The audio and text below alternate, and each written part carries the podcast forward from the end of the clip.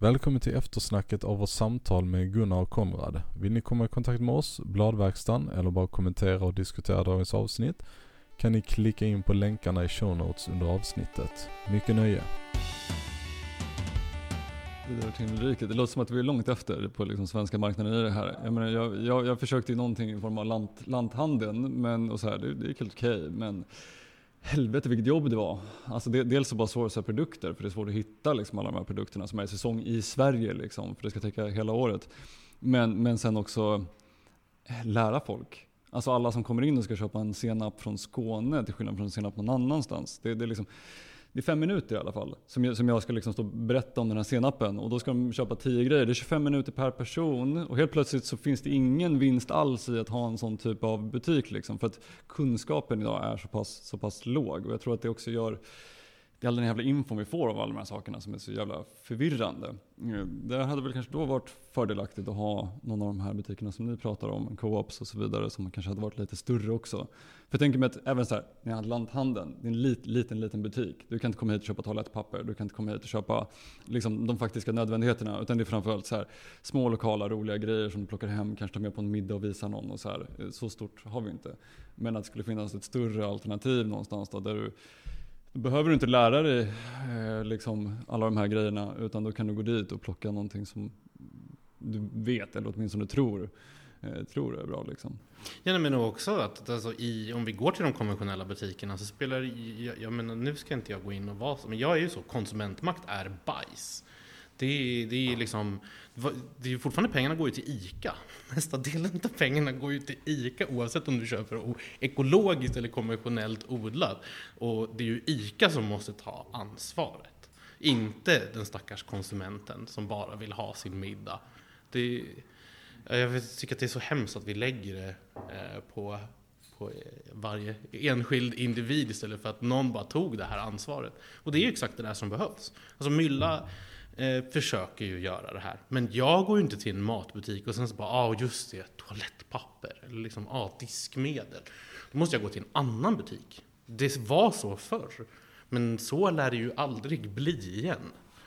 Jag har inte tid med det. Ingen har tid med det. Inte, inte idag. Jag tror att det är därför det är svårt med de här små, små ställena för att faktiskt ha fäste. Liksom. Man måste ha en nisch eller en USP ifall du ska ha en liten lanthandel idag. Eller bara en ostbutik eller bara en köttbutik eller vad det nu är för någonting. Liksom. För folk vill kunna stanna på vägen hem från jobbet. ICA har placerat sig på helt rätt location för att de vet att det ska vara enkelt att svänga in med bilen och så vidare. Liksom.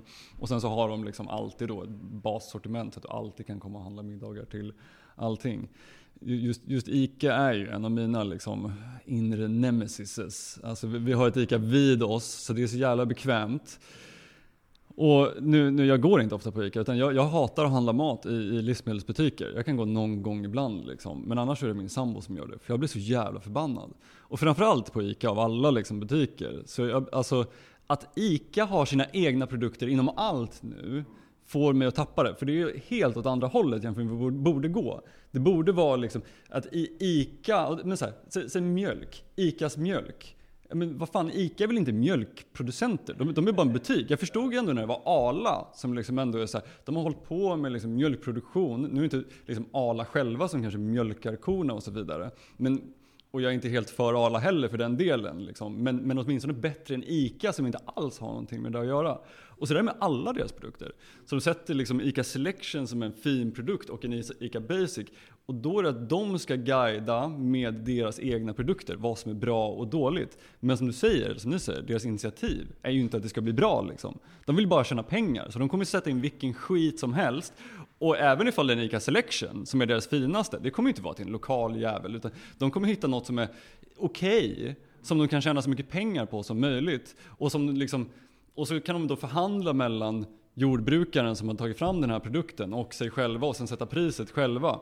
Till slut kommer de här jävlarna kommer kontrollera hela marknaden. Det gör ont i mig. Men ICA är en känslig punkt och jag skulle vilja skrika högt bara. Men, ja. Nej, men, och jag handlar på ICA eh, av ilskan för att jag har inget förväntningar på att ICA ska lösa världens problem. Däremot så kanske jag hade att konsumentföreningen Svea skulle ha tagit någon typ av ansvar. Det är liksom ändå av folket för folket som var tanken. Vad gör de? har ett sämre utbud än ICA. Liksom. Och tar, alltså, de har ju, visst har de Änglamark, men ofta när man handlar med dig och din mamma, Gunnar, då är det liksom man kan inte åka till Coop. De har inte tillräckligt många ekologiska produkter. Så vi måste åka till ICA. Så det är liksom pest eller kolera redan, redan där. Eh, Coop, Coop vore ju fantastiskt om det kom tillbaka och blev, liksom, alltså, blev en riktig sån alltså, ekobutik. Okej, men där, där då, är ICA är bäst i, av dem, ifall du ska leta efter bra, bra produkter som, som eh, lever upp till dina krav. Eh, skulle ICA vara den bästa utav, utav de stora? Utav de, de stora i Sverige? Mm. Ja, men det skulle jag nog säga. De har nog bredast utbud, skulle jag tro. Eh, ja. Av, av, alla i Sverige? Nu, nu... Om, om, om man ska se till liksom, major, om du ska få majoriteten av dina saker eh, så hållbart som möjligt så tror jag att jag skulle gå till en ICA Maxi. Hellre än typ Stora Coop. När jag väljer, då är det liksom Stora Coop vid Stadion eller ICA Maxi vid Ystadvägen. Och det blir nog oftast ICA Maxi.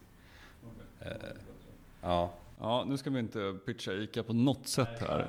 Så här det, det, det, ska vi inte alls vara sådana. Utan det här är ju vad vi egentligen är. Precis det här liksom är vad jag är super emot. Jag förespråkar ju att man, man ska veta vem som producerar ens produkt. Exakt, Rekoring, där kan man handla. Rekoring är skit, skitbra på det sättet. Sen, sen, är det ju att det inte är riktigt lika convenient. Nej. Eh, och, ja, Rekoring är skitbra. Mylla tycker jag också. Liksom, ja exakt. Blivit, eh, bara, jag bara väntar på att Mylla ska ta över världen. Liksom, så. Det har bara inte riktigt hänt än vad jag har förstått. Eh, så. Öppna en mat, Mylla matbutik. Så att de har sitt kyllager bara som en matbutik också.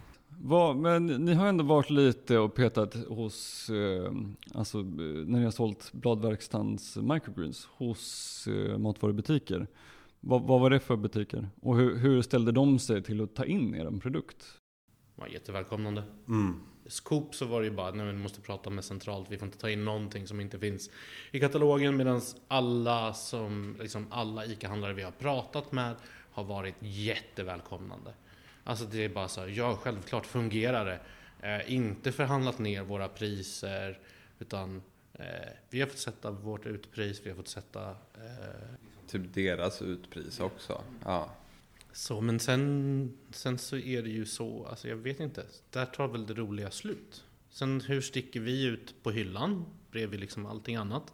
Eh, vi måste dema, vi måste vara på plats och visa upp oss. Jag har en hel reklamkampanj liksom som ligger och jag vet vad det kommer kosta liksom att lansera på varje butik. Och jag vet att det bara kommer fungera i några veckor.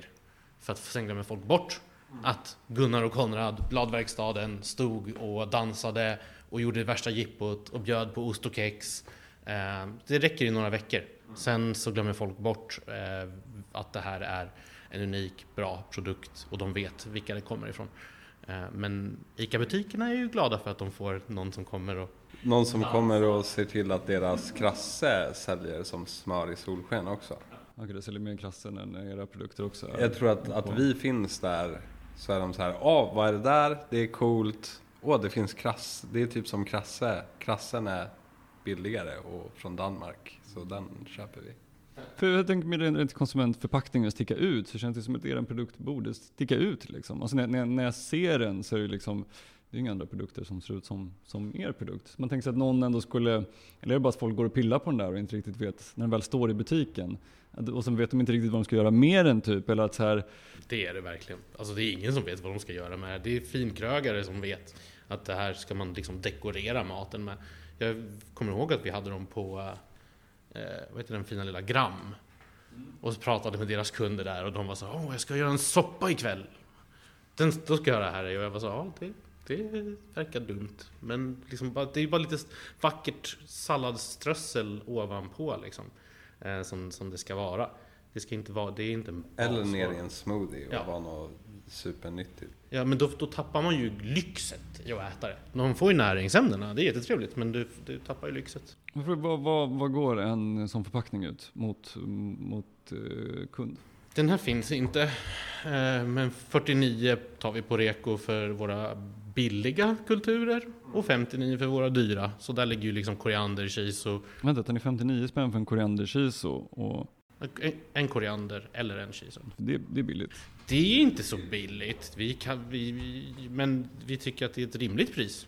För att vi det är inte som att vi blir miljonärer på... Nej, nej, nej, nej, nej. Så, så det, det är klart. Men, men, men rent vad man får, alltså det, nu- jag kommer att fortsätta förespråka just koriander och shiso i, i micros. För att eh, det är något extra liksom. Jag tycker, att, jag tycker verkligen att man ska prova det. Eh, och där, där är det verkligen en krydda liksom. Alltså det, där är det ju att du, du kan ha den på matbordet och varje gång du tänkte ha koriander som du annars har som blir dålig eller som en eh, koriander som du köper som inte smakar någonting så kommer du få, liksom, det är som krydda som man har på bordet. Eh, och chi- shiso kanske man får lära sig men som du säger, man kan använda det som spiskummin eller man kan göra eh, till desserter och så vidare. Liksom. tycker det funkar till det mesta. Tacos brukar jag ha spiskummin till. 49 kronor för, för broccoli, rödkål, rädisa, men sen så ska vi väl även få ut...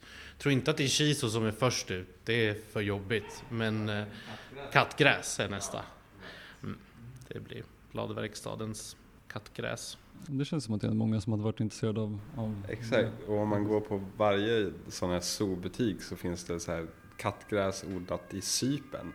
Och det ska vi sälja i Sverige. Aha. Man är så här, ja, vad bra. Då är det pimp, pimpsten från odeklarerat land i en plastlåda med lite frön.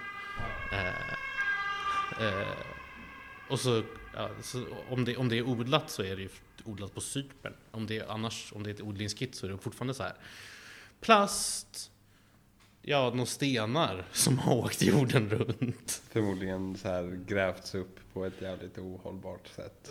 Ja, alltså er, er, er produkt känns ju idiotisk. Att man skulle transportera liksom så, så långt. Eh, det, det- det känns ju jätte, jätte, jättedumt. Och framförallt när, när man kan producera den lokalt och tillräckligt effektivt. Eh, Vi har inte pratat om det, men det finns ju andra anledningar än bara transporten varför vi startade det här. Alltså, vi vill ju konkurrera med att det inte skulle åka hit på lastbil. Det, det som andra delen som är ju att många då, jag hoppas att det redan är vi som har påverkat marknaden. Men då var det väldigt mycket vanligare att det odlades i ehm, Kokos. stenull. Ja, stenull eller stenull. och Ja. kokos. Och det är ju inte, varken kokosfiber eller stenull är särskilt roliga eh, produkter. Kokosfibrerna tvättas med Sötvatten. i Indien. Ja, eller i ett land där det inte finns så himla mycket sötvatten att tillgå ofta. Och eh, det andra är ju, bryts ju, stenull, det spins och bryts med dieselmaskiner.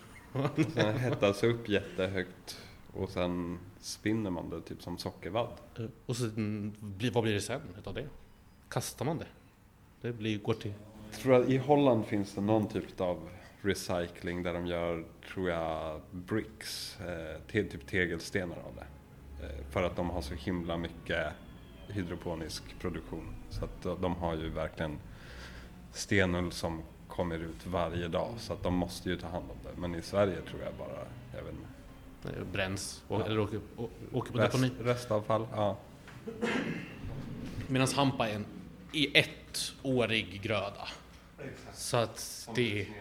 Ja, alltså otroligt bra, bra gröda i många aspekter. Liksom. Eh, och att egentligen det, det man har där det är ofta för någon som producerar hampafröer så är en sån typ av matta egentligen bara fibrerna. Eh, så det är ju bara restprodukten av stammar och grejer som man då skulle... skulle Det var också en använda. anledning till att vi startade företaget. Tyvärr var det inte så enkelt att bara ta skräpet.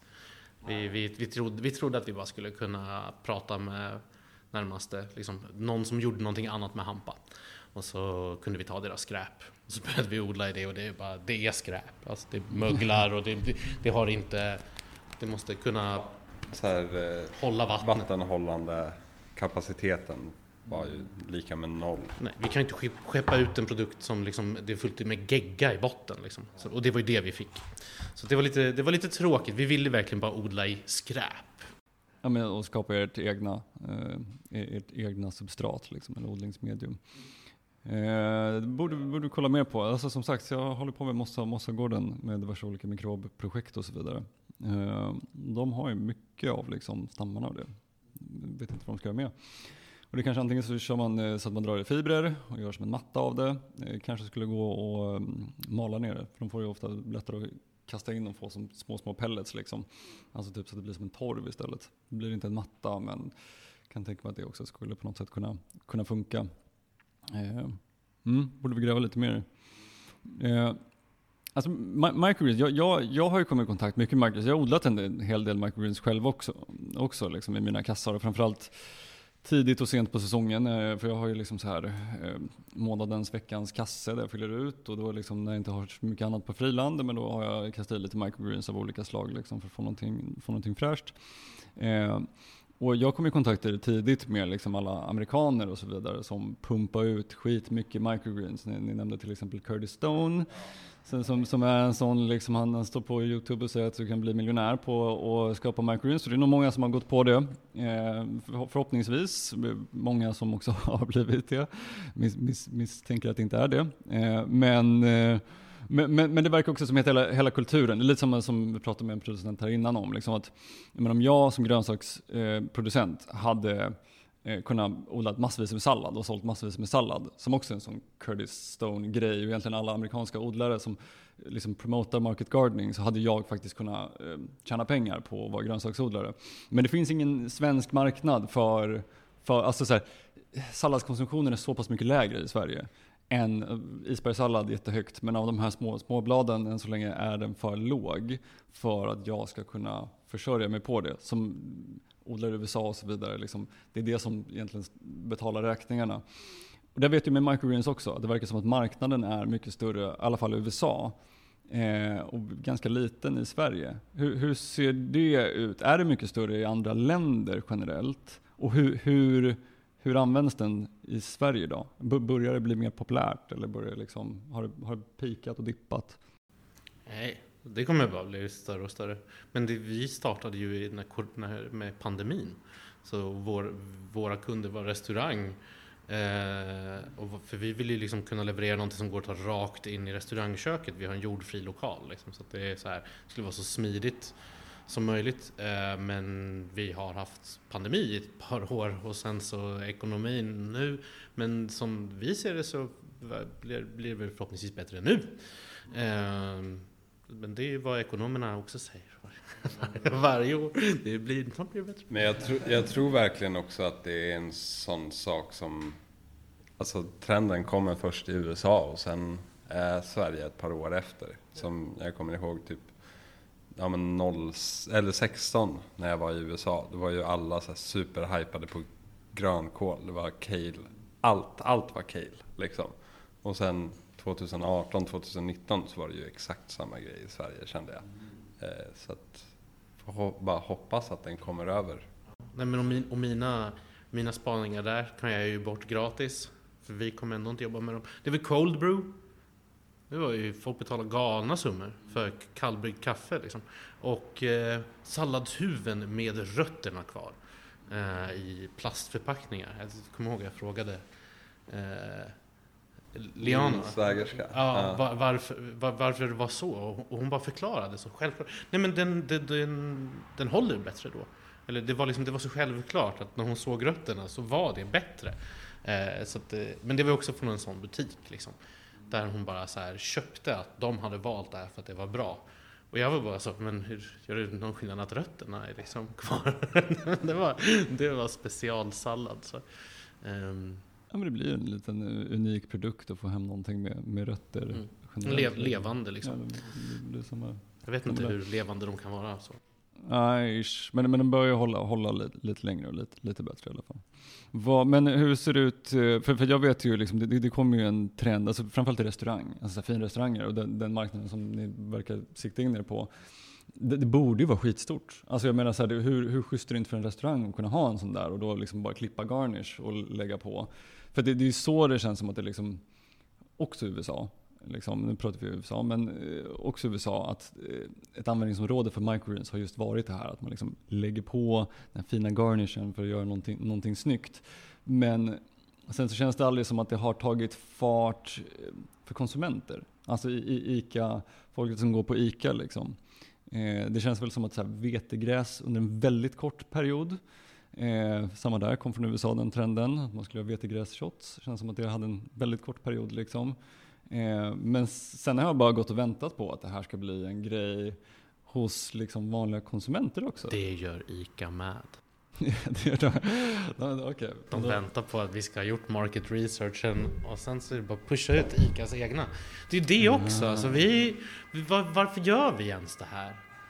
Det, det, är inte svårt det vi gör. Det som är svårt är att vi, vi testar, vi frågar, vi pratar. Och sen så kommer, eh, sen så fort vi har lyckats, då kommer ju bara ICA smälla sin egen logga på det och sänka priset med 10 spänn per förpackning och producera det jättestort. Det är bara... Vägg i vägg med centrallagret. Så ja. Superbra, egentligen. Det är dumt att det ska skeppas härifrån till deras centrallager och sen skeppas ut. Så det är bättre att på sätt och vis att det odlas där. Alltså vi, så, så, istället för att vi ska bli de här eh, Curtis Stone, alltså som det du pratar om, alltså det är ju det är det, där pengarna finns. Vi skulle ju kunna stå på Instagram live och säga så här. ah, du blir jätterik om du odlar det här och det är jätteenkelt och du kan göra det vart som helst hemifrån. Sälja de här odlingskitten liksom. Det är ju där pengarna finns. Sälja drömmen. Det är ju samma sak med bitcoin, är ju samma sak. Drömmen om att bli rik på bitcoins säljs ju av den som säljer hårdvaran för att mina bitcoin. Eh, alltså för att få in någonting helt annat. Liksom. Man får ju kolla ett, upp, ett steg upp i, i stegen. Men, men, men om man får promota sig själv och vad vi vill med det här företaget i framtiden så kan ju ICA, när de har lyssnat på det här, ringa oss. Eh, och så kan vi få några hundratusen spänn, så kan vi visa hur man gör det här bredvid sitt centrallager och sen så gör, har vi gjort vårt. Då har vi gjort världen till en lite bättre plats. Vi har minskat transporterna, erbjuder bra mat, så. Eh, och så är vi klara. För att nu har vi testat. vi har testat överallt. Vi har testat restauranger, prenumerationer, eh, ja men reko, eh, matbutiker. Eh, så vi vet ju. Vi vet, det har varit en dyr och kostsam kundundersökningsprojekt liksom. Men eh, nu har vi gjort det. Jag Tänkte på det innan. Ni nämnde att ni det här med olika maträtter, är det någonting ni funderar på? Alltså att det ska passa till specifika maträtter när ni tar fram en ny gröda? Eller vad är det som eh, gör att ni plockar fram just den här grödan? Så det låter vi ju kockarna bestämma egentligen. Ja, Men de är så dåliga på att beställa. De är typ så här jättelyckliga. Eh, för allting vi gör. Så det är sällan. Det är ju det att de konstant ber om shiso. Förra året var det korianderfrukt. Det är jag glad att vi inte drog igång. Det hörde jag. Att de hade haft ute hos Buddha. Botildenborg? Botildenborg, ja. ja. Odlat korianderfrukt. Eller Los Perros? Uh, ja. Plockat korianderfrön liksom. Uh, någon hade stått och handplockat. Så det gick ju bara för att de hade praktikanter liksom, som, som kunde gå och plocka dem där. Då var man ändå tvungen att ta typ 2000 spänn kilot. Men jag tror att det var jag. Var det du som odlade det? Det var jag. Ja? Alltså, det, det var praktikanter som gick och plockade ja? dem. Tills jag insåg att jag kunde bygga en egen sorteringsmaskin för det där och då helt plötsligt kunde jag då... Eh... Men har det gått någonstans då? Ja, ja, jag säljer till restauranger och picklar själv och sålt i butiken. Och, alltså det, det, det, jag brukar kalla det för Nordens citrus. Eh, det, det har en väldigt unik smak liksom. Men det är minst sagt rövigt att stå och plocka dem där. Alltså det är mycket jobb. Men det är också det så här, men egentligen man behöver så pass lite. Alltså det är ingen som vill slänga in mer än så här ett par bär, tre, max fem ifall du gillar koriander i en maträtt liksom. Eh, men det var två praktikanter som eh, fixade, fixade ett par kilo under en hel, hel dag liksom. Och de, de var duktiga praktikanter. De, de körde på verkligen hela, hela, hela dagen. Eh, men ja, in, in, inte i den skalan igen. Nej, för det, det, var ju Grand frågade oss om det, om man var så här svårt, svårt att hänga med i restaurangtrenderna. Alltså så här, ja, ett och ett halvt år senare så kommer man där med produkten och bara, ni bad om korianderfrukt, här har vi. De bara, okej, okay, super, nu är det, nu undrar vi om vi, nu ska vi röka allting här så att Ja men ni vet ju hur det, hur det är. Och det där är ju min, min, min liksom grej med restauranger också. Alltså så här, är det om vi säger typ, som Los Perros som, som var väldigt i ropet tidigare med liksom hela odlingsbiten. De hade kommit med någonting då och så var det typ Lyran som tog det eller någon så här fin restaurang och så var det något speciellt. Då skulle alla sen ha lite utav det liksom. Men då är det också bara då. Det är inte att det där, det där fortsätter inte sen. Så jag, jag, tror att det stabila i det där, det är att ha kanske Alltså jag- kan ju ta korianderbär eller korianderfrukt, korianderfrön för att, för att jag odlar koriander. Och sen så går den alltid i blom och sen så låter jag den stå där som en ornament. Och sen med tid så blir det sådana bär liksom. Det blir en restprodukt som inte jag ens behöver ta hand om liksom. Så för mig makes det ju sense. Och om, om det nu är att jag skiter i att plocka dem, då blir det fågelmat senare på säsongen liksom. Så jag, för mig makes det sense att bara sätta det och bara låta det vara. Och blir det någonting så blir det någonting. Annars så, ja. Eh, men där är ju med restaurangtrender. Det är fan mäckigt. Och jag tror inte man, man ska inte försöka följa trenderna. Utan att man ska försöka hålla en konsekvent och hitta en konsekvent produkt som är liksom bra och fyller deras basala behov hela tiden. Liksom. Eh, tänker mig så här. Jag älskar microredisa. Eh, för att det ger en nice pepprighet liksom. Menar du bladen eller micro, alltså Bladen, alltså som, som mic- microgreens. Alltså jag, jag har själv odlat någon sort som heter Sango, tror jag att den heter. Finns väl säkert massvis med olika sorter som allt annat. Men, men Sango, röd, rödaktig, ganska pepprig. Eh, den är också så här, fan allt möjligt. Bara för, nu är det inte så att jag har den jätteofta, men den är skitgod att slänga på allt möjligt liksom. Eh, samma som så här, koriander, som jag menar på att så här, nu tar jag upp koriander en gång till. Men att det är, det går att använda hela tiden. Koriander kommer liksom aldrig gå ur trend. Eh, shiso känns som att det hade en jävla peak. Nu börjar det bli... Eh, det, det peakar fortfarande. Är Ja, poppis. den, den, kommer ju inte ta, den kommer ju inte bli lättare att odla, men den kommer heller inte tappa i färg och form. Den är, alltså det, det, är en, det, är en otro, det, finns, det är ju svårt att odla den, det är därför vi inte odlar den. Det, den, är, alltså den är ju jättevacker. Det är svårare än vad man kan tänka sig. Av alla mina som jag liksom... Den jävla röda. Den är... Eh, Har inte två och en halv miljon liggandes. Vi skulle behöva köpa en maskin utav. Dr. Tong Yun Chen. Okej. Nej, jag har tyvärr inte det. Annars hade ni fått alltihop. Men, men vadå, vad är det för maskin som kostar så mycket så pengar? här typ förädlar fröer. Eller på något sätt behandla fröer med enligt henne bara temperatur, luft och vatten Okej. i någon magisk kombination. Men vi har fått lämnat våra fröer och fått tillbaka våra fröer. Och alltså grobarheten blir liksom ja men 100 procent och de går typ 3-4 dagar snabbare än våra andra fröer. Ja, det är helt magiskt. Vi vet inte vad hon Dr. gör. Tong Yun Chens magiska fröer. Ja, är så här, så, men hon vägrar göra det åt oss eller att ens typ så här, eh, ja, få betalt för att göra det. Är det här en, en liksom i Malmö eller någon som... Lund, en forskare i Lund. Aha, det- här låter ju som en riktig magi. Ja, Men hon är riktig forskare i Lund, inte att hon har liksom en källare någonstans och sen så... nej nej. Sen, sen, sen säger hon att hon har en maskin för 2,5 miljon men egentligen är det att det är så här, skickar in något testosteron eller några hor- hormoner eller någonting som bara, ja men de växer mycket bättre, de går mycket, mycket snabbare och gror mycket bättre. Ingen aning. Det är tydligen ett jättekommersiellt samarbete som typ ballade ur, men hon hade... Hon hade kvar rättigheterna och patentet liksom på sin maskin efter hela affärs... och sen är hon forskare och inte säljare. Så att, men jag tror, jag förstår inte riktigt, för att de resultaten vi fick där var ju bara så här. Det här skulle ju kunna förändra hela mänsklighetens framtid om vi bara kunde ta all... Så jag vet ju inte hur det ser ut, vad det är för maskin energimässigt. Så liksom, att det, det kanske inte är värt det. Eh, Ni vet bara att den kostar 2,5 miljon. Det var vad hon ville sälja den för. Okej, det var de hon ville sälja för. Det finns en sån här, får man patenten på den och liksom Ja, e- egentligen är det liksom så riskokare kombinerat med några slangar som går. Och så, så, så när ni kommer dit får ni skriva innan. Och, ah, varsågod, det här funkar. Lovar. Vi tror ju att det är en av våra konkurrenter som har, som har köpt maskinen nu. Hintade lite om det på sociala medier. En ny magisk maskin. Oj. För att behandla sina fröer. Ja. Okej. Men, men som tur är så växer väl fröerna utan det där också. Kanske inte går lika Vi, snabbt. vi, vi, kun- de växte så snabbt så vi kunde inte använda hennes fröer. Det, hela vår veckoplanering blev förstörd. Men gud, men gud, fan vad intressant. Det här är, är något som jag vill gräva i. Jag kommer aldrig komma ihåg namnet, men någon kanske kan Vietname, mig. ja absolut. Tong Yun Chen. Det är en vietnamesiskt namn tror jag. Tro, fast känn. Det är så inget... konstiga krokar under. Det här låter som någon som jag skulle vilja prata med och bara lys- lyssna på. Vad är det för magisk maskin du har? Kan du berätta mer?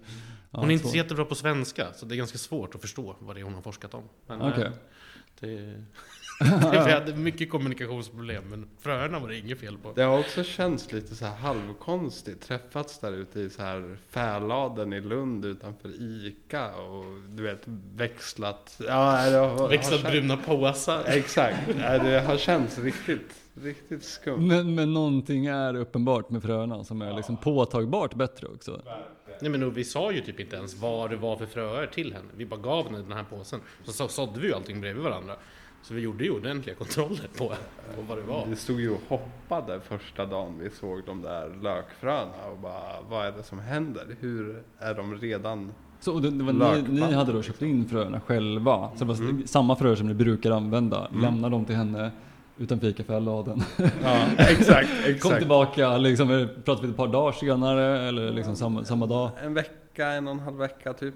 Samma där, träffade henne på fälladen, de bruna påsarna, tog tillbaka fröna och sen är det någon magi som har skett däremellan. Japp, exakt Fan, så. Hon påstår också att fröna kan hålla på hyllan mycket längre också, utan att tappa grovbarheten. Det här känns ju som en sån här multimiljard eh, liksom, idé. Fatta att vi stod och hoppade, vi var så här. Äntligen, våra år utav slit! Här, här ska vi! Ingen har upptäckt den här, den här galna, magiska forskaren. Det är vår, vår lyckochans, men vi har, vi har inga miljoner. Nej, nej, men om jag får lite över så ska jag säga till. Jag har tyvärr inte heller blivit rik på mina endeavors inom grönsaker och så. Eh, Men det låter ju som att typ så här, energiprocessen, alltså för att det här inte har kommit någonstans, så låter det ju som att energiprocessen, att det typ inte skulle löna sig. Vilket jag inte kan tro på. Det kan inte vara så. För att energin som krävs liksom för att sköta om åkrar och, över hela världen. Men alltså det finns ett sånt, sånt himla stort gap mellan forskarvärlden och liksom den kommersiella och ja, men regerande världen. Liksom. Det finns jättemycket forskning på hur mycket olika grejer som helst. Som om man bara så här fick politiker eller så här, ja, men företag eller privatpersoner att inse det så skulle det lösa jättemycket. Men det är ett sånt himla stort glapp. På all, alla led. Jag tänker också på alla så här gamla hippies, permakulturhippies och så vidare som höll på med diverse olika grönsaksodlingar. Och en snubbe från Malmö faktiskt som, som kom på någon så här eh, biodynamiskt vatten, att man liksom cirkulerar vatten och får det att det ska bli viss energi och sånt där. Och där har folk bara liksom tidigare varit så här, det är bara hippiegrejer. Och sen nu när det faktiskt börjar forskas på så är det liksom så att folk bara, vad är det som händer här? Det händer ju massor med grejer med det här vattnet. Och vad är det som händer här? Det är ju massor med grejer med den här liksom konstiga liksom brygden ni har stått och fermenterat här bak på liksom. Eh, men, men, men det är liksom två helt olika, eller tre kanske till och med, liksom massvis med olika världar. Men jag tror det är där, därav man behöver plocka av alla de här små, små grejerna. Eh, jag, jag brukar ju eh, referera mig själv till att jag inte plockar alls Liksom att jag, jag är inte eko eller konventionell eller biodynamisk eller regenerativ eller vad det nu är för någonting. Utan att jag är helt öppen för alla och plockar de bästa som funkar för mig. Som jag, och jag vill ju bara det bästa för naturen och mina grönsaker och liksom mitt system. Eh, så plockar jag det bästa av, av allihopa. Liksom. Eh, sen har man gjort ett par dumma grejer där också när man har lyssnat på. Nu är det inte allt, så att allting hippies säger är rätt heller. Eh, men eh, det, det finns gottebitar i liksom alla led. Eh, och hon eh, vietnamesen där med eh, Nästan så jag ska försöka, om jag får hennes nummer så ska jag träffa henne utanför fälladen med ett par, med ett par påsar, påsar med frö. Vi bara orkade inte. Vi var så här, det här är ju helt magiskt. Typ så här. eh, Vi kom, vi kom aldrig. Men vi fick, hon ville ju inte göra det egentligen. Hon ville bara visa. Alltså, riktigt tease också. Vi så här, trodde hon skulle kunna ta emot våra 10 kilo säckar och liksom förbättra dem. Och hon var så här, efter att vi hade fått testa henne frön så var hon så här, ja, köp maskinen, 2,5 miljoner. Och man här, nej, gör våra frön bättre åt oss. Lå- lå- Låter som att det skulle kunna vara en scam. Mm. Lå- lå- Låter väldigt ja, intressant. verk- Liksom. Någon magi, magi i det där liksom. Men det, det låter också som att det fin, finns stor risk att det där skulle kunna vara, eh, vara lite, av en, lite av en scam. Mm. Det känns verkligen så, men jag tror verkligen Hon- hon- inte det. Man jag- jag- hittar jag- ju hennes artiklar på liksom... Eh, Och jag kollade upp, hon har sitt på det torra. Okej, hon, hon är legit. Alltså, så jag tror bara att det, det är bara någonting som har fallit mellan stolarna. Eh, liksom, den här eh, hela grejen. Det, Coolt. eller så är det någon som har köpt maskinen nu, stoppat den i sin byrålåda. Som BMW och bilarna som kunde köra i jag vet inte vad det var, 100 kilometer på en Ja, b- energi. som På tal om konspirationsteorier. Ja, det finns, finns, finns mycket, mycket sånt, mycket med energi som är, som är intressant där. Ja, men energi är ett väldigt bra sätt att kontrollera människor på. Gratis energi. Det var det ju någon som, det var det ju någon som uppfann va? Han heter Tesla. Så är det och energi är all, allting. Alltså, menar, vi, vi alla jobbar Ja exakt, ja, men just med- elektrisk, eh, hans, hans trådlösa gratis energi. Eh, så det var inte gratis gratis, men det var omöjligt att ta betalt för. Men han stoppade de här glödlamporna i marken. Ja, precis. Jag förstod aldrig riktigt ifall det funkade helt och hållet. Eller Han skulle ha några sådana här torn vid generatorer och så skicka det genom stratosfären. Och så skulle man bara kunna sätta upp ett torn där man var. Och då skulle det, det kunna liksom bli en, en typ en transistor, alltså en mottagare. Så att hela stratosfären är liksom bara full med elektricitet. Och så är det bara där du är, stoppa upp en jättelång pinne och hämta ner den liksom. Intressant. Det finns, finns, mycket sån här biodynamisk odling och så här flummig odlingsgrejer där de håller på med sådana grejer också. Där, där de gör typ en, inte en Tesla coil, men en typ av sån grej. Där de sätter som en lång pinne i marken och sen sätter de olika koppartrådar och drar runt dem. Och sen så drar de den här tråden med koppar sen genom liksom hela odlingslandskapet. Och att det där då ska ladda jorden också med, med en viss typ av energi. Eh, Jag har hört att man kan i alla fall döda sniglar och så. Sätta koppartråd i en spole och sen dra runt sitt land så blir den ju liksom lite, lite elektrisk. Tillräckligt för att döda sniglar. Okej. Det, det, där, det fick jag höra mig från undertallarna annars. De, var ju, de hade ju bästa snigelmördarknepet. Vad är bästa snigelmördarknepet? Bästa snigelmördarknepet, ut, det, här, det var någonting som norska befolkningen röstade igenom. Eh, Det var att ta lite, lite, lite, lite Roundup och så mata det till en snigel. Och så mosa den snigeln och sen lägga den snigeln i din trädgård. För sniglar är kannibaler. Så de kommer och äter upp den här snigeln. Så på det sättet så behöver du bara, du måste ju fortfarande använda en, hem- ett hemskt medel. Men det, du måste använda väldigt lite. Mm, Okej, okay. misstänker att det har kommit, eh, du vet de här nemaslagg och snigeleffekt, alltså som är järnfosfat som man köper i sådana blå, blå korn. Där finns det också en liknande teknik som, som har kommit de senaste åren, säkert tagits därifrån. Men då Eh, tar man saxar och så doppar man dem i, i eh, den här järn, järnfosfaten som har blött ut och sen så klipper man sniglarna. Och sen då så kommer sniglarna och äter järnfosfaten. Det gör ju att de blir mätta och går och typ göm, gömmer sig. Det låter som att det här är snott från eh, norrmännen. Så här extremt brutalt. Men det är också sniglarna som är kannibaler. Så att det Exakt, you don't have to eat your friend, you just choose to. Men allt det där slipper vi i alla fall. Nej, vi gör ju inte det heller. Nej, vi har ju Drosophila melanogaster som vi krigar med. Det är, Den vanliga blom... eller vad heter det? bananflugan. okej. Eh, hampan, det är ju en gäst som börjar bryta ner hampan lite grann. Och uh, Drosophilan älskar den här nedbrytargästen. Eh, så, ja. Det är lite, framförallt på hösten, en månad eller två, som man får kriga mot dem. För det blir extra, fuktigt utomhus eller för att det är någonting med... Rött månad. Ja, okej. Så att de är, de är överallt annars. Så Okej. att de, om de frodas i närheten så, eh, så frodas de, kommer de till oss på något sätt också. Det är fint, de hittar alltid Luk- något hål. Det luktar ju jäkligt gott säkert, våran hampa.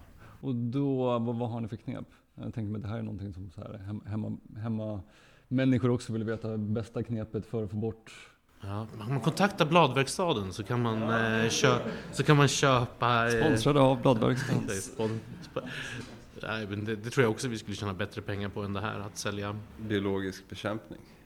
Eh, men det är, alltså blomflugorna vi har, de är ju i vårt substrat som hela tiden liksom vattnas.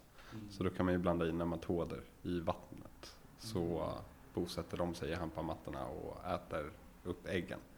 Liksom. Eh, medans om man har en fruktskål framme så är det väldigt svårt att Ja. Okej, så det, det, det är inte att ni sätter ut olika såna fällor med vinäger och någon, någon form av eh, vinäger, en, en droppe diskmedel och vatten. Det är väl någon sån klassisk... Eh, Damm, dammsugare eh, för mekanisk bekämpning och så nematoder för biologisk förebyggande. Dammsugare har faktiskt också använt, alltså ute på odlingen också när det, när det varit kaos. Så här, inte utomhus, utomhus, utan liksom i tunnlar. Eh, det är riktigt effektivt. Alltså, o- otroligt liksom, när, jag väl kom på det. Ska du berätta att det här var så du slutade vara vegan? Ja, exakt. Jag slutade ju vara vegan. Jag var vegan i typ fem år. Eh, lite så här, ja men det var väl kanske mycket grundat i så här buddhism. Att man inte, att vi har ett val och vi kan göra ett val att inte döda organismer och då tyckte jag att det kändes ganska, som ett ganska bra val att göra liksom. Och lätt. Eh, men sen blev jag ju så fruktansvärt glad när jag kom på att vi kunde dammsuga upp alla de här drosofila flugorna. Så då stod jag ju i våran lokal och liksom dammsög upp dem, dödade liksom flera hundratals sådana här flugor och var så himla lycklig över att jag hade liksom hittat det bästa sättet att döda dem. Så då var det så här, men, men en ko kan ju föda mig liksom. Här dödar jag liksom flera hundratals organismer i liksom bara en, en liten radda. Så att eh, det var där, där brast hela veganismen.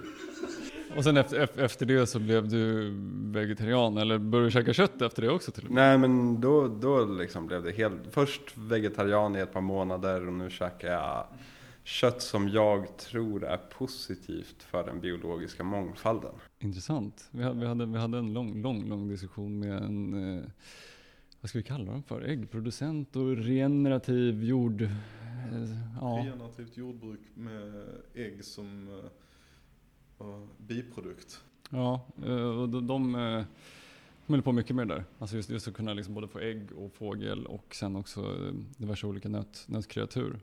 Och då liksom använda dem som ett sätt att få in dem ja, men regenerativt och bättre system.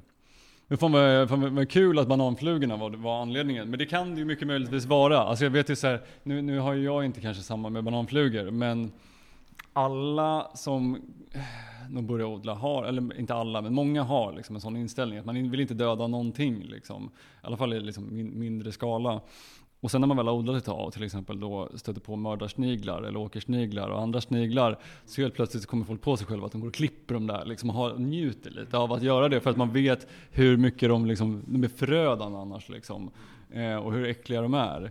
Eh, Så där har jag haft också så här, typ veganer som har varit ute, alltså så här, extrem, extrem, extrema veganer som har varit ute på odlingen och liksom så här, vill gå barfota och tycker att liksom, livet är superhärligt. Och sen så när de väl har kommit till liksom, att det varit en snigel så, så har, de, har något annat kommit ur dem de liksom stampar på den typ och liksom så här, gärna dödar den och bara så här, vänta, vänta, vänta vad, vad händer där? Så bara, Nej men de där hatar jag, de där går inte liksom, måste.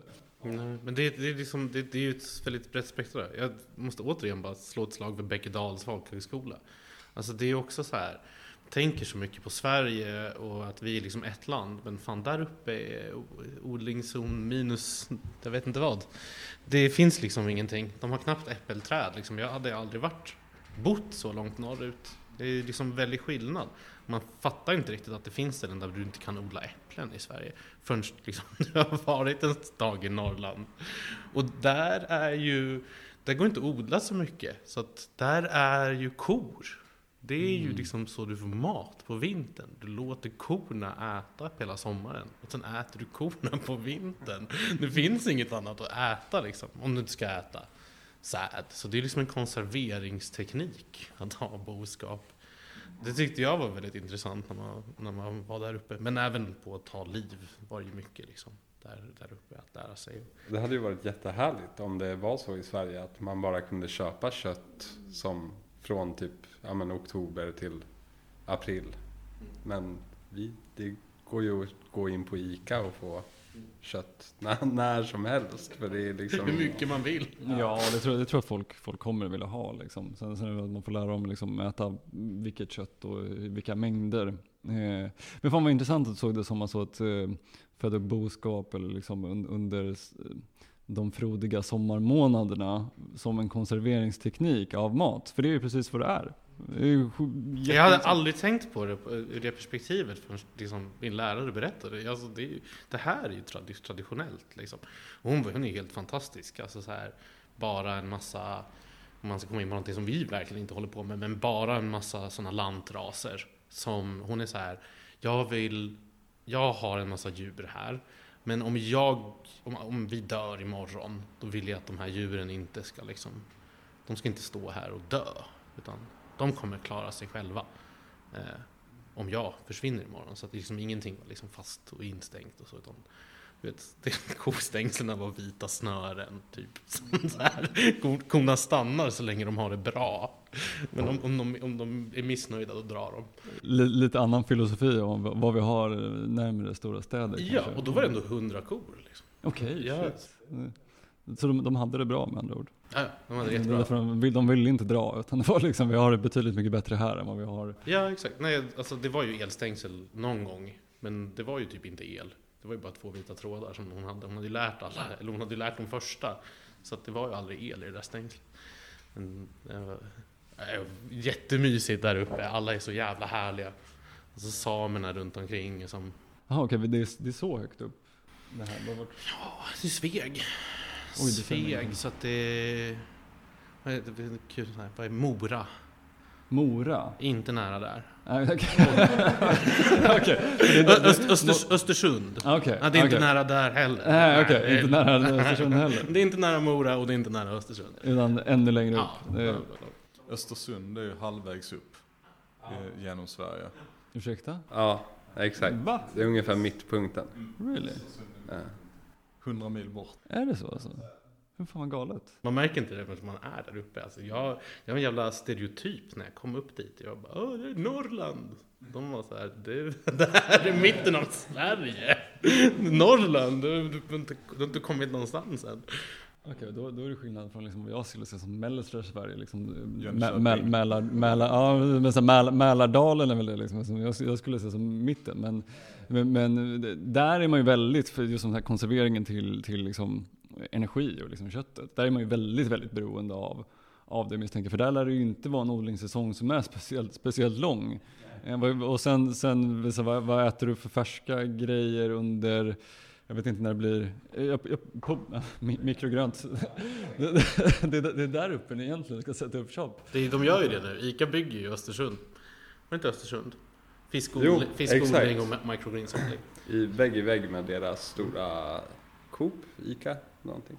Ja. antagligen. Okej. Men är inte det samma, lite grann samma tänk som eh, från samerna och alla herdekulturer? Att de, de bara applicerat det på kor istället. För det är ju så samerna till exempel har överlevt. Så att det, det ligger ju ganska nära i hand där. Bara någon, Ja, det är, jag, inte, jag har inte ens tänkt på det. Men jo, det är exakt det. Det är väl exakt så de tänker. Det var ju, min mamma och pappa bodde ju länge uppe i Kiruna och då eh, hade min mamma en biologkompis som var där på besök som var vegetarian och de var ute hos samerna på vintern och frågade om har ni några grönsaker? Och samen där satt och tänkte en stund och sen sa han att eh, ja men det skulle väl vara falukorven då. så att ja, vintertid så det är mycket, mycket kött. Det är väl enda sättet. Alltså misstänker Mm. mm. de kan säkert göra ost, ost och lite sådana där grejer också liksom. Om det nu går, om det går väl att preservera på något sätt. Men jag, jag tycker synd om oss här nere. Jag tänker tänkte säga samma sak här. Att så här, det makes sense att vi skulle äta kött ja, men typ så här års också. För, för att jag vet ju hur det ser ut ute på min odling just nu. Liksom. Det, kan plocka upp lite rotfrukter, de är inte alls jätteroliga liksom. Och kan ta lite bladgrejer. Men vi är liksom en och en halv månad bort innan vi kan börja få i oss åtminstone någon form av energi som, som färsk energi. Liksom. Mm. Men möjligheterna finns ju. Alltså det, nu, nu har ju, vi har hållit på med det här ett tag, så vi är liksom ganska trötta. Vi kan inte ens ringa doktor Chen fastän hon har magiska fröer. Eh, men liksom så här, det finns fiberoptik. Det är ju fortfarande, alltså så här, om man bygger in fiberoptik med alltså ljus ifrån taken, då kan du ju odla inomhus med väldigt lite belysning. Eh, så det finns ju massa olika så lösningar för att det ändå ska fungera. För att det, det, det finns ju lite ljus. Det finns, och då kan vi kompensera med mycket ljus. För att nu var det någon, det var någon på SLU här som gick ut och var så Nej, man ska inte odla inomhus. Det är inte ekologiskt. Och jag så här, mm, nej, men vi får ju göra det ordentligt liksom. Vi får ju tänka igenom vad vi håller på med. Och sen du vet, ja men transporterna på det liksom. kan inte bara säga typ så här, om det kostar massa energi att ha LED-lamporna igång. Ja, Det kostar massa energi att köra lastbilarna också. Liksom. Men där, där är väl det att alltså just, just under eh, de mörka månaderna här så hade det made sense liksom att man, man eh, verkligen då att man liksom har inomhus för utomhus inte jättemycket. Men där är det väl att man skulle ta det och liksom försöka kombinera det. För, det- för det man missar med inomhusodling på sommaren är väl liksom all, all sol helt enkelt. Liksom. Eh, men, men sen är det ju också, visst det kostar energi, men du skapar ju energi också. Alltså det, det är ju det, du omvandlar ju energin från ljuset i LED-lamporna till energi som man äter. Och jag, jag är stark förespråkare för att man ska, liksom med grönsaker åtminstone försöka få i sig lite färska grönsaker hela tiden. För jag tror att det finns andra grejer än att vi bara pratar typ kalorier och näringsämnen. Utan så här olika syror och sådana saker som, som vi bör få i oss som nog bara är Han, han, du får tipsa om han fantastiska mannen. Ja, Michael, Michael Pollan. Han ja, är men det vet jag, det vet jag det. Ja, det Som är typ så här, eat, eat, jag vet inte, eat whatever you want, mostly greens. Vad han Ja, typ. ner till. Try to avoid un, så här processed, proce- processed foods. Var väl mycket. Superbra, koka ner alla grejer till liksom typ tre meningar med hur, hur du ska äta. Eh, och, och det där är ju också en sån anledning till den, varför den här produkten är så rolig. Så vi säger ju typ så här, klipp den på pizzan. Jag mår bättre när jag äter det här på pizzan. Dress, dress your carbs. Mm, Det finns ju också ett sånt uttryck, liksom bara släng på någonting. Eh, och det, det är väl också varför jag saknar, och jag är inte nere på rekoring, men typ kimchin eh, och, så, och de grejerna som produceras som man bara så här, kan kasta på lite grönsaksfibrer. Även fast man äter dåligt. Liksom. Doppa dina pommes i, i liksom en, en majo gjord på, på hemmagjord kimchi så är det i alla fall bättre än bara pommes. Garanterat. Alltså jag, jag tycker jag är en sån, jag gillar ju pizza med gröna grejer på liksom. Jag tycker faktiskt att det blir, blir godare. Jag kan tänka mig att microgreens är svingott, aldrig, aldrig provat. Man kan tänka mig att det blir svin, svingott på, på pizzan. Eh, men maten blir också jävligt mycket finare. Alltså så här, man, tar man några sådana där och slänger på det på precis vad som helst. Man vet ju bara med krassen som inte är så jävla kul, liksom. den ser inte jätterolig ut. Men den gör ju ändå att det ser, ser finare ut liksom, än bara en ostmacka. Så släng på liksom, lite microgreens så, så är den här mackan mycket, mycket roligare. Och då kommer den förmodligen vara mycket liksom, godare för att den ser roligare ut också. Ja, men jag tror verkligen att, alltså, visst kanske inte tre stycken skott gör så mycket, men, eh, men strax däröver. 30 små skott på mackan är åtminstone lite vegetabiliska fibrer som typ hjälper dina tarmar i processen att, att ta upp de här sakerna. Det är ju också ett sånt, sån grej som varför jag tycker det här är intressant. Matspjälkningen, matspjälkningen, inte smältningen. Det finns inga små, små eldar nere i din mage som, som smälter maten. Det är en spjälkningsprocess. Liksom. Maten trycks ju ut på tarmarna. Och, och i utkanten av de här tarmarna så kommer det saker och hjälper till och tar upp det här. Mikro, Så- mikroorganismerna Ja, som, så som hjälper till att bryta ner. Exakt, så det hjäl- gäller ju att ha någonting. Om du då har en superprocesserad macka, även om det är ett hembakat bröd liksom, eller så här, med ost och smör, så bara måste ha någonting som stoppar det också. Ät den här moroten till, eller kolbiten, eller Och det är någonting också som, precis, som- som matar också själva systemet. Jag satt faktiskt och lyssnade på det igår om, om just de här bakterierna som, som är kring magsäcken. Eh, de gillar stärkelse. Och idag, så här, I hälsosvängar så pratar man ju om liksom stärkelse är djäv- alltså djävulen själv. Men, men, men då finns det olika typer av stärkelse såklart. Eh, men då till exempel pasta, ris och potatis som är liksom egentligen de värsta grejerna du typ kan, kan äta i processad mat. Liksom. Eh, eller i, i, i kolhydrater. Ifall du kokar dem och sen låter dem bli kalla så är det en helt annan typ av stärkelse. Och den matar då den här filmen med mikroorganismer som hjälper till och liksom, med bara den lilla grejen. Och det är så här, jag, jag hade hört tidigare från bröd att så här, bröd är nyttigare ifall du låter det Eh, bli, alltså, du, du bakar det och sen så låter det bli kallt och sen om du rostar det. Men bara att det får bli kallt en gång. du ska frysa det. Du ska frysa det. Du ska frysa för sockermolekyl, eller alltså stärkelserna, eh, de, de, de, någonting förändras. Eh, det där har varit känt jättelänge i så här GI-kulturen, liksom, att en kall potatis är, har ett lägre glykemiskt index än en varm potatis. Men tydligen så är det ännu mera om du fryser sakerna. Eh, så det, jag fryser alltid mitt, mitt rostbröd. Ja, det är ju också. Det funkar lika bra när det är uppdelat och sl- slänger i rosten liksom. Är det någon liknande process som sker med bär och annat sånt som, eh, det är ju vissa bär som eh, blir goda efter att, eh, alltså efter att de har frusit en gång. Så det är ju Typ någonting, som, ja, det är ju någonting med socker, sockerstärkelse. Eh, där, det är någon kemisk process. Man tänker bara inte riktigt på det. Att, precis som att värma upp någonting är en process i matlagringen så är ju att frysa ner någonting också eh, en process. Men det är för mycket saker som jag inte har någon som helst aning om egentligen. Nej, nej, men det har vi ingen om någonting egentligen. Eh, och det, det, det är lite det som är tanken med liksom, att den andra delen av, av podden är att man ska kunna säga precis vad som helst. Eh, alltså jag menar så här, jag säger ofta det, ju, ju mer man lär sig ju mindre vet man. Eh, jag, liksom, jag nördar ner mig på grejer och liksom sitter och läser forskningsanalyser och börjar fatta liksom, mikronäringsämnen och vad de gör i växter och människor och så.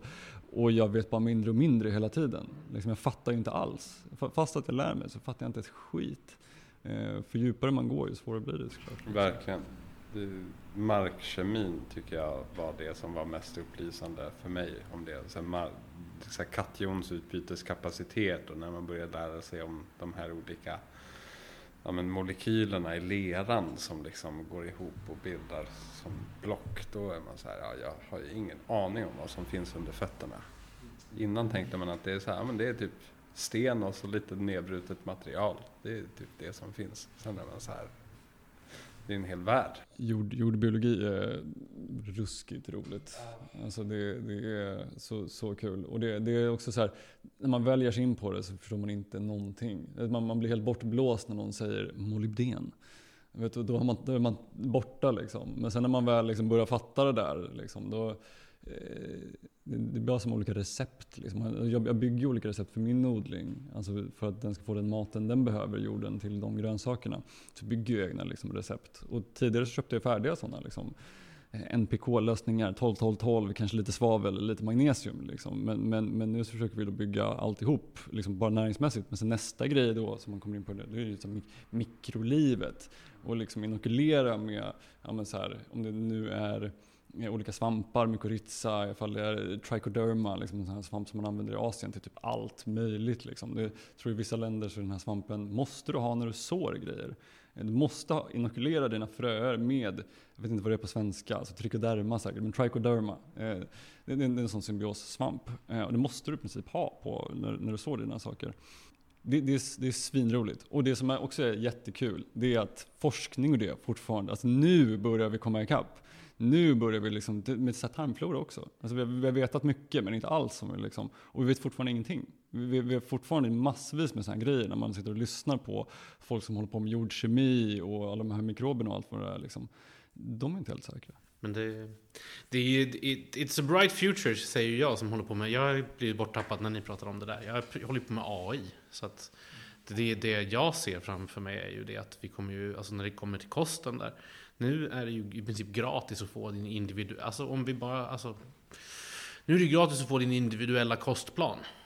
Alltså, du kan ju bara be en AI, du kan bara mata in, alltså istället för att du behöver en kostvetare så, så, så vi har vi ju byggt en AI nu som kan, som kan eh, vara din personliga kostrådgivare.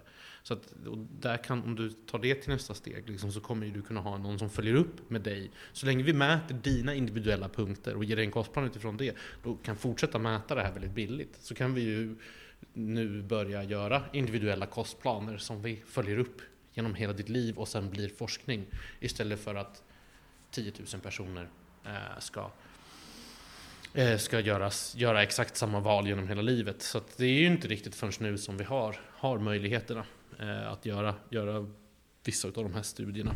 Det där är verkligen på nästa, nästa nivå. Och jag, jag kan ju ingenting alls om, om AI. Jag lyssnar lite om det men, men förstår ju inte alls liksom, bakgrunden i något av det där. Jag vet att det kommer grejer och att det kommer alldeles nyss, som jag förstod, någon, någon ny typ av AI som, är, som de inte riktigt förstår sig på heller. Men som är super, de vet inte ens ifall den är intelligent men uppenbart så är den intelligent. Alltså, sen är frågan om vad intelligens är och så vidare. Liksom. Eh, det menar liksom på Le- Lex Friedman, vet du vem det är? Chatt eh, GPT. Mm, men den är, inte, Ja, den, är inte intelli- den är inte intelligent på något sätt. Den är bara den är väldigt mm, bra eller ja, den är väldigt bra på väldigt många olika sätt. Det är en generell språk-AI. Så att den, du kan, det som är revolutionerande med ChatGPT är just själva chatten. Tekniken bakom ChatGPT har funnits exakt som den är i ett år. Och sen så var det någon som gav den ett chatt-interface. Så du kan nu kan chatta med modellen. Vilket bara folk är så här. Man kan göra vad som helst med AI! Mm, för att du nu kan chatta med den som en människa. Du behöver inte... Det känns kul. Du får feedback. Det händer någonting. Så det, det är liksom AIns iPhone, skulle jag vilja säga. Och det, det som den faktiskt gör det är att den, eh, den räknar ut vilket som är det mest sannolika ordet som kommer efter liksom det, det förra ordet. Så att det är inte så att den tänker kring de här ämnena som man diskuterar med den. Utan den, eh, den bygger helt enkelt meningar baserat på sannolikhet, om jag förstod det rätt. Ja, Mhm, Men den är ju sjukt bra. ja Jäklar det är imponerande vad, vad den har koll. Ja, så den, den är, men den är ändå bra just på den funktionen, alltså språk, språkfunktionen. den Helt, helt, helt galen. Alltså de har dammsugit hela internet. All våran gemensamma kunskap som vi har tryckt ut på internet har ju de dammsugit. Och nu ger dig, kan, du kan ge den en Alltså så här, istället då för vad ska jag äta till middag? Så kan du ju säga åt den, jag tycker om de här sakerna. Vad tycker du jag ska äta till? Och den bara, ah, men någon som tycker om sånt, då kommer du få det här. Så att det, det, det är ju magiskt. Det är magiskt på många sätt. Eller man ska skriva en artikel om phytoremediation och vet inte alls vart man ska börja. Då säger man How would you write an article about phytoremediation? Och så får man ett och ett halvt A4 som man kan ha som någon typ av outline och sen bara fylla Men i vänta, det här, det, här, det här finns alltså idag? Kan, kan jag som... Det är en hemsida du går in på. hemsida. Och jag kan få vilken information som helst? Ja, Nej. det är bara ja, ja. Den slutade samla, in, den slutade samla information 2021. Vilket inte alls stämmer. Men eh, de säger att den slutade samla information 2021. De har ju lagt ett, eh, alltså ett filterlager framför, så mellan själva AIn och eh, användaren som sitter och alltså, matar in input. Där ligger ju ett filter så att den kommer ju inte berätta allting. Men om man, ja, alltså Men generellt? Generellt sett så kan du, du kan fråga den vad som helst men den kommer inte svara på exakt allt som helst men väldigt, Är väldigt det, mycket. men jag tänker mig säga, jag googlar ju otroligt mycket. Och Google blir bara sämre och sämre för det kommer upp sämre. Det här det, det är som en fantastisk Google. Så det här, det här Ingen man, kommer använda Google. ingen kommer använda Google. Google lanserar sin egen AI idag. Eh, Bard heter den. Egna generella language model som faktiskt är uppkopplad mot internet och kan ge dig källor. Vilket ju är det ChatGPT verkligen inte kan. Fast den försöker. Det är bara det att källorna finns inte alltid. Nej, det, nej, exakt. Problemet är att ChatGPT försöker lite för mycket. Så att om ChatGPT inte vet saker så, så hittar ChatGPT på saker. För att den Men, men är mest, men mest sannolika Ja, sakerna. exakt. Så att det inte är Men- någonting som är helt, helt off. Nej, det, det är inte helt off är det. För det är totalt lögn. Bara för att Jaha. någonting att är sannolikt att det är så betyder ju inte att det Nej, är så. nej, nej. Så jag kan ju fråga ChatGPT vad ditt namn är. Och ChatGPT kommer svara vad ditt namn är. Vad som är sannolikt att ditt namn är eftersom att du är svensk man. Så kommer den ju säga att ditt namn är det här, men det, det är inte sant. Det är bara Nej, nej. Men, men, men det känns ändå som att sökresultatet på ChatGPT kommer vara bättre än Google. Alltså för, för, Mycket, för, mycket för, för bättre. idag är ju sökresultaten på Google helt värdelösa. Alltså den största skillnaden där är ju att Google hänvisar ju dig medan ChatGPT skriver faktiskt ut informationen. Mm. Så att Google har ju inte informationen utan den bara visar vad det är. Men medan ChatGPT den behandlar informationen och sen så ger den dig en sammanfattning. Mm. Okej, det här måste Och du kan använda ChatGPT för dina Google-resultat. Så du kan gå ut på Google och så bara hittar du en artikel. Så kan du säga, så finns det lite bokmärke som så här, kan du sammanfatta det här åt mig? Helvete intressant. Så läser den hela artikeln och Alltså det- sammanfattar det. Det, här, det här knyter ju samman till det vi pratade om liksom i, i början med att få ut information om ekologiskt och inte och mat och liksom hela det som jag menar på att ska s- sälja en senap här som är skånskproducerad så tar det mig fem minuter. Finns det någonting, inte just kanske den här produkten, ChatGPT som den är, men någonting annat med det som är en app så kan ju den göra jobbet Det, ja, exakt. Men det är absolut. Du kan ju bara säga att du kan bygga en shoppingassistent som säger det här, vad vill du ha som är ekologiskt? Jag, jag prioriterar, eller ja, som en sån komplex person som Gunnar som är så här. Ja, men jag kan tänka mig att äta lite kött, men bara lite och det måste vara lokalt, det måste vara bra för det. Sådana saker blir ju helt plötsligt, om vi har en databas, det blir ju faktiskt möjligt att ge Gunnar det svaret. Där Gunnar inte behöver gå in och söka liksom så här, ja, varje köttgrej. Ja, det här och kött, det vill jag ha. Och så så här, nej. Vart ligger den Vart ligger det? gården? Så, så det, det kommer ju liksom, information kommer ju bli väldigt mycket mera personlig och lättillgänglig. Så istället för att eh, de här artiklarna som hela internet består av nu. Vilka är de 20 bästa? Så här. Ja. Utan den kommer ju bli liksom, det här är din rekommendation utifrån dina preferenser. Oh, coolt. Det här, låter, det här låter ju som ett sätt som liksom i framtiden att få ut sån här information. Alltså, menar, sök då på det går att handla tomater och så vet du inte ifall det är ekologiskt bättre eller inte eller vad det är för någonting. Och du, då skriver in det här på ett eller annat sätt. Eller ifall ICA har alternativet så kommer det upp bara liksom tre bästa, tre sämsta på diverse olika och så är det inte certifieringen nödvändigtvis som är rätt utan det är chattfunktionens lögner som den, den, har, den har kommit på att ICA har köpt, köpt in sig på, på att den ska säga att ICA Selection och ICA Basic är bäst. Men jag tror att, att lösningen är en... Alltså dels så är det ju den här, de här typen av initiativ, alltså podcasts, att börja prata, som kopplas till någon typ av organisation, såsom Mylla. Fast Mylla är liksom inte en organisation, men du vet en rörelse eh, för folk som har fattat och vill hänga på. Och sen koppla det med ett forum för, för aktion. Alltså vad det än är för aktion. Om det är att man vill komma till bladverkstaden och odla sina egna microgreens. Eller vara liksom ute på, på, på, på dina, dina odlingar och, och se eh, liksom hur det går till där och hjälpa till där. Eller om man bara vill handla mat. Liksom så. Eh, och så måste vi ju, vi måste ju organisera oss. Eh, Eller, alltså, på, I en internetshop där man kan få tag på diskmedel, toalettpapper utöver lokalproducerat eh, kött, lokalt rostat kaffe, grönsaker. Liksom så. Det måste vara...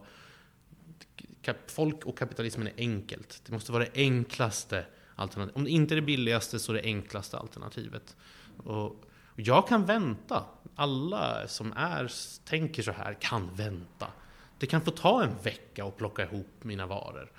Om det, om det är så. Om, ja, det får man ändå typ vänta. Alltså det är så här, det kommer funka. Men eh, för att bli- vi små ska kunna konkurrera på den stora marknaden så måste vi organisera oss. Det, det är ju det. Eh, För vi kommer aldrig bli lika bra som, som ICA på att bygga en internetshop. Liksom. Men tillsammans är vi starka. Två och en halv miljoner senare och den här magiska maskinen så tror jag att det är en bra början i alla fall. Nej men jag jag är helt med dig och jag tror att det är, som jag säger, det är därför jag startar eh, alla de här grejerna som jag håller på med. Liksom. Det, det är att försöka bygga en plattform inte bara för mig utan för alla som har en idé och kan komma med någonting. Liksom. Jag kan komma med min odlingsaspekt från det liksom, men det finns massvis med andra saker och det måste finnas liksom ett synsätt från alla olika också konsumentperspektiv. Alltså så här, jag vill veta om vad tjejerna som går till Espresso House, vad, vad de tänker om det här. Och hur kan jag få in dem så att de också blir intresserade av, av det här. Kanske inte går, men kanske går. Liksom. Men, men jag tror att vi kan inte bara hålla oss heller till den här liksom lilla gräsrotsnivån snart, utan vi måste sprida det mer. Och det här är ett stort problem för småskaliga producenter, åtminstone i Malmö, misstänker det i hela Sverige åtminstone. Eh, det är att marknaden finns inte riktigt där. För, för just att det kanske inte finns en plattform eller det kanske inte ens finns intresse. Eh, men marknaden finns inte där. Och jag tror att det, det är på grund av bristande kunskap. Folk förstår inte värdet och skillnaden i produkter. För att folk går inte jättelångt på ICA. Liksom, utan de, då väljer de hellre eko för samvetets skull. Men inte det faktiska värdet. Ifall det nu handlar om näring, ifall det handlar om att man ska supporta lokalt, ifall det handlar om eh, klimat och transportsträckor eller någonting. Men jag tror att det är där alla liksom måste komma ihop, hjälpa varandra, ta andelar, lyssna på det här nu ICA, ta andelar från, från, från ICA och bygga den här lokala rörelsen tillsammans som, och så här, komma på saker tillsammans också som underlättar. För, för det här är ju också så här, det, det är ett typiskt problem i småskaliga verksamheter, att det blir att man konkurrerar med varandra. Men om den lilla marknaden som finns och så bygger man inte så att marknaden blir större så att alla får större andelar. Jättestort problem. Alltså jag, menar, jag är ute på en odlingsyta med 11 stycken andra odlare och jag pratar typ aldrig med dem. Liksom. Nej, alltså vi har ju varit likadana. Det är ju först nu Eller alltså jag i alla fall, jag har bara insett att jag kommer aldrig få en lön från bladverkstaden. Det kommer aldrig hända. Så det är första gången nu som jag känner så här, ja men jag kan prata om Göran. Jag kan, det finns vissa andra som jag fortfarande inte vill lämna, lämna vid namn. Liksom så, som är väldigt lika det vi håller på med. Men alltså det, det, det är ju inte konkurrensen som är problemet. Vi behöver ju bli flera odlare, men vi behöver framförallt flera som bryr sig. Det är ju bara det det handlar om. Och jag tror att vi redan har löst problemet här idag. Alltså det, det, du kommer inte kunna utbilda hela Sveriges befolkning. De flesta bryr sig inte. Men det räcker med att vi är några utbildade som väljer några produkter tillsammans och sen ger resten. Här är en väldigt enkel lösning för dig att göra eh, en plan, att ha kvar en planet till dina barn om du köper din mat här. Eh, så, och det är enkelt. Du behöver bara med en liten AI skriva i Mina barn tycker inte om att äta bananer eller liksom så. Och så får du en personlig shoppinglista därifrån. Det, fan, det är så enkelt! Det, ja, det har varit min tanke också. Men det är mycket, mycket blod, svett och tårar för att få, få igenom all den här skiten. Liksom. Jag, jag, jag vet hur jobbigt det är att vara liten producent liksom, i, i alla led. Liksom. Eh, och jag hoppas att det här är någon form av början till det. Och bara liksom, eh, jag, jag gör så gott jag, jag kan och hoppas att det liksom tar, tar fart. Och sen ifall det är jag som gör någonting, att det får fart, eller liksom jag och Gustav som håller på med det här nu, det bryr jag mig inte nödvändigtvis om. Alltså det hade varit kul liksom. Men viktigaste är att det faktiskt händer någonting. Liksom. Eh, och att det kommer från mitt initiativ. Jätteroligt liksom. Men det är förändringen som måste, måste ske. Ja, nej men du har Samurai, bygger webbshoppen så småningom här. Det blir inga problem. Starta någon grupp någonstans som, är, som liksom, där folk kan vara med. Om det är bara en Facebookgrupp liksom. Kan börja diskutera. Kan pusha mer pengar till Facebook. Pusha mer pengar till Facebook. Jag har funderat på om man inte ska jag, jag kan börja betala lite för att pusha Rekoring, annonsera ut Rekoring. Han är ju bara tre, folk måste ju veta vad det är. Sen, vi säljer ju typ ingenting. Det är, jag, jag, tror också att man behöver få mer, liksom, för jag tror man måste börja med, alltså dels såklart att bara komma ut, men sen också få en anknytning bland kunder som gör att de faktiskt fattar och känner skillnaden. Rekoringa är bra i den aspekten att du får träffa producenten. Nackdelen är att det är på en parkering i en halvtimme. Du hinner inte bygga någon relation. Liksom. Platsen är inte optimal för att bygga den här relationen, för att få anknytning till den här produkten. Så en idé som jag har, det är, det är att jag skulle vilja att vi i sommar, alltså med små producenter, skulle ta oss ut på min odling och bara köra en jävla jippo av något slag. Alltså det kan vara vad som helst. Om man känner någon musiker kan de sitta och lira någonting. Man hittar något ölbryggeri, några ciderproducenter, någon kock som vill stå. Vi har exakt samma tanke. Absolut, vi har köpt en mu Murikan och liksom det, men det, bara, alltså det, det, är ju, det är ju också en sån del. Vi sökte aldrig de pengarna, men typ så Bladverkstaden pratar mat. Åka runt, det fanns ett sånt projekt från Malmö kommun. Och bara så här, men eh, bara ställa sig någonstans, steka på lite käk, ha med sig några av de här så att det ändå är liksom avdragsgillt. Men liksom bara stå ute på stan och prata, vad är din relation till mat? Vad tänker du? Var kommer maten ifrån? Vad är ekologiskt? Liksom? Så här, ut och predika. Men även fester liksom, kring, kring i, i vår lokal. Vi har ju lyckats ändå få ihop nästan 30 kvadrat som man får vara på. Liksom. Så bygga någonting kring det också. Men för mer sådana saker. Jag tror att då får folk en association som är liksom en, en anknytning och en koppling till en producent, en person, en plats. Så det ger extra liksom. Men det, eh. men det är ju också den här, alltså många av oss som håller på med det här är ju typ, det här är ju självförverklingar också liksom. Och då, eh, vi ser oss själva som lite konstnärer snarare än kapitalister. Så då blir det liksom, vi har ju inte varit på Reko av den anledningen. Alltså det är ju lite samma sak som, vi har inte varit på ICA av den anledningen. Ska vi stå här och dansa? Dance monkey dance! Vad fan ska vi behöva åka och visa upp oss liksom? Bara läs på vår hemsida, vi gör någonting bra för naturen. Fan ägna tre år av våra liv till det här! Bara köp skiten om du vill vara med! Måste du träffa mig och skaka mig i hand liksom? Alltså... Jag, är helt, jag är helt och hållet med dig, men jag tror att det är det som behövs liksom. Och, och, och istället för att då ta den, eh, den grejen en för en. Alltså som vi går tillbaka till senapen, som tar fem minuter för att sälja den här senapen för en person. Fem produkter senare, 25, 25 minuter liksom. Det finns inga pengar i det alls. Men kan man träffa och prata med fler samtidigt. En podcast är jättebra för då kan man ju nå liksom, fler människor i den konversationen. Men jag tror att det, det är liksom steg ett för att kanske bara få någon att bli lite bekväm med en ens röst, vad man håller på med, tankar och idéer. Men sen komma ut och träffas och liksom få den, den anknytningen. Då kommer vi tillbaka till den här mänskliga faktiska interaktionen. Och jag tror att folk saknar community. Jag tror, jag tror folk vill, vill göra de här grejerna. Så att ifall ni drar igång någonting med Murika så bjud gärna med mig. Eh, och skicka ut det så får vi, för jag tror att det behövs många sådana saker. Folk vill göra grejer liksom. Och, och för, för om det här hamnar med i podden på något sätt, jag tror det finns tre timmar att klippa bort här. Men, eh, alltså, vi älskar att träffa våra kunder. Vi tycker det är jättetrevligt, det är det som ger oss vår energi. Att så här, folk vill ha våra grejer. Det är ju jätteroligt. Det, jag tror, inte det låter som att jag hatar att visa upp mig.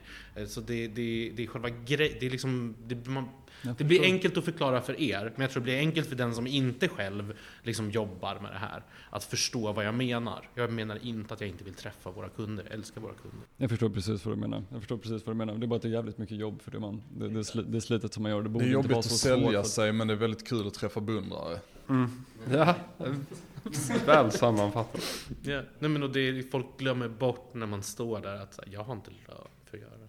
Jag har gjort det här gratis i tre år. Alltså jag, Av en typ av förhoppning om att jag kan vara med och skapa en bättre värld. Fastän jag vet innerst inne att så fort jag har tagit det här tillräckligt långt, då kommer ICA ta min idé.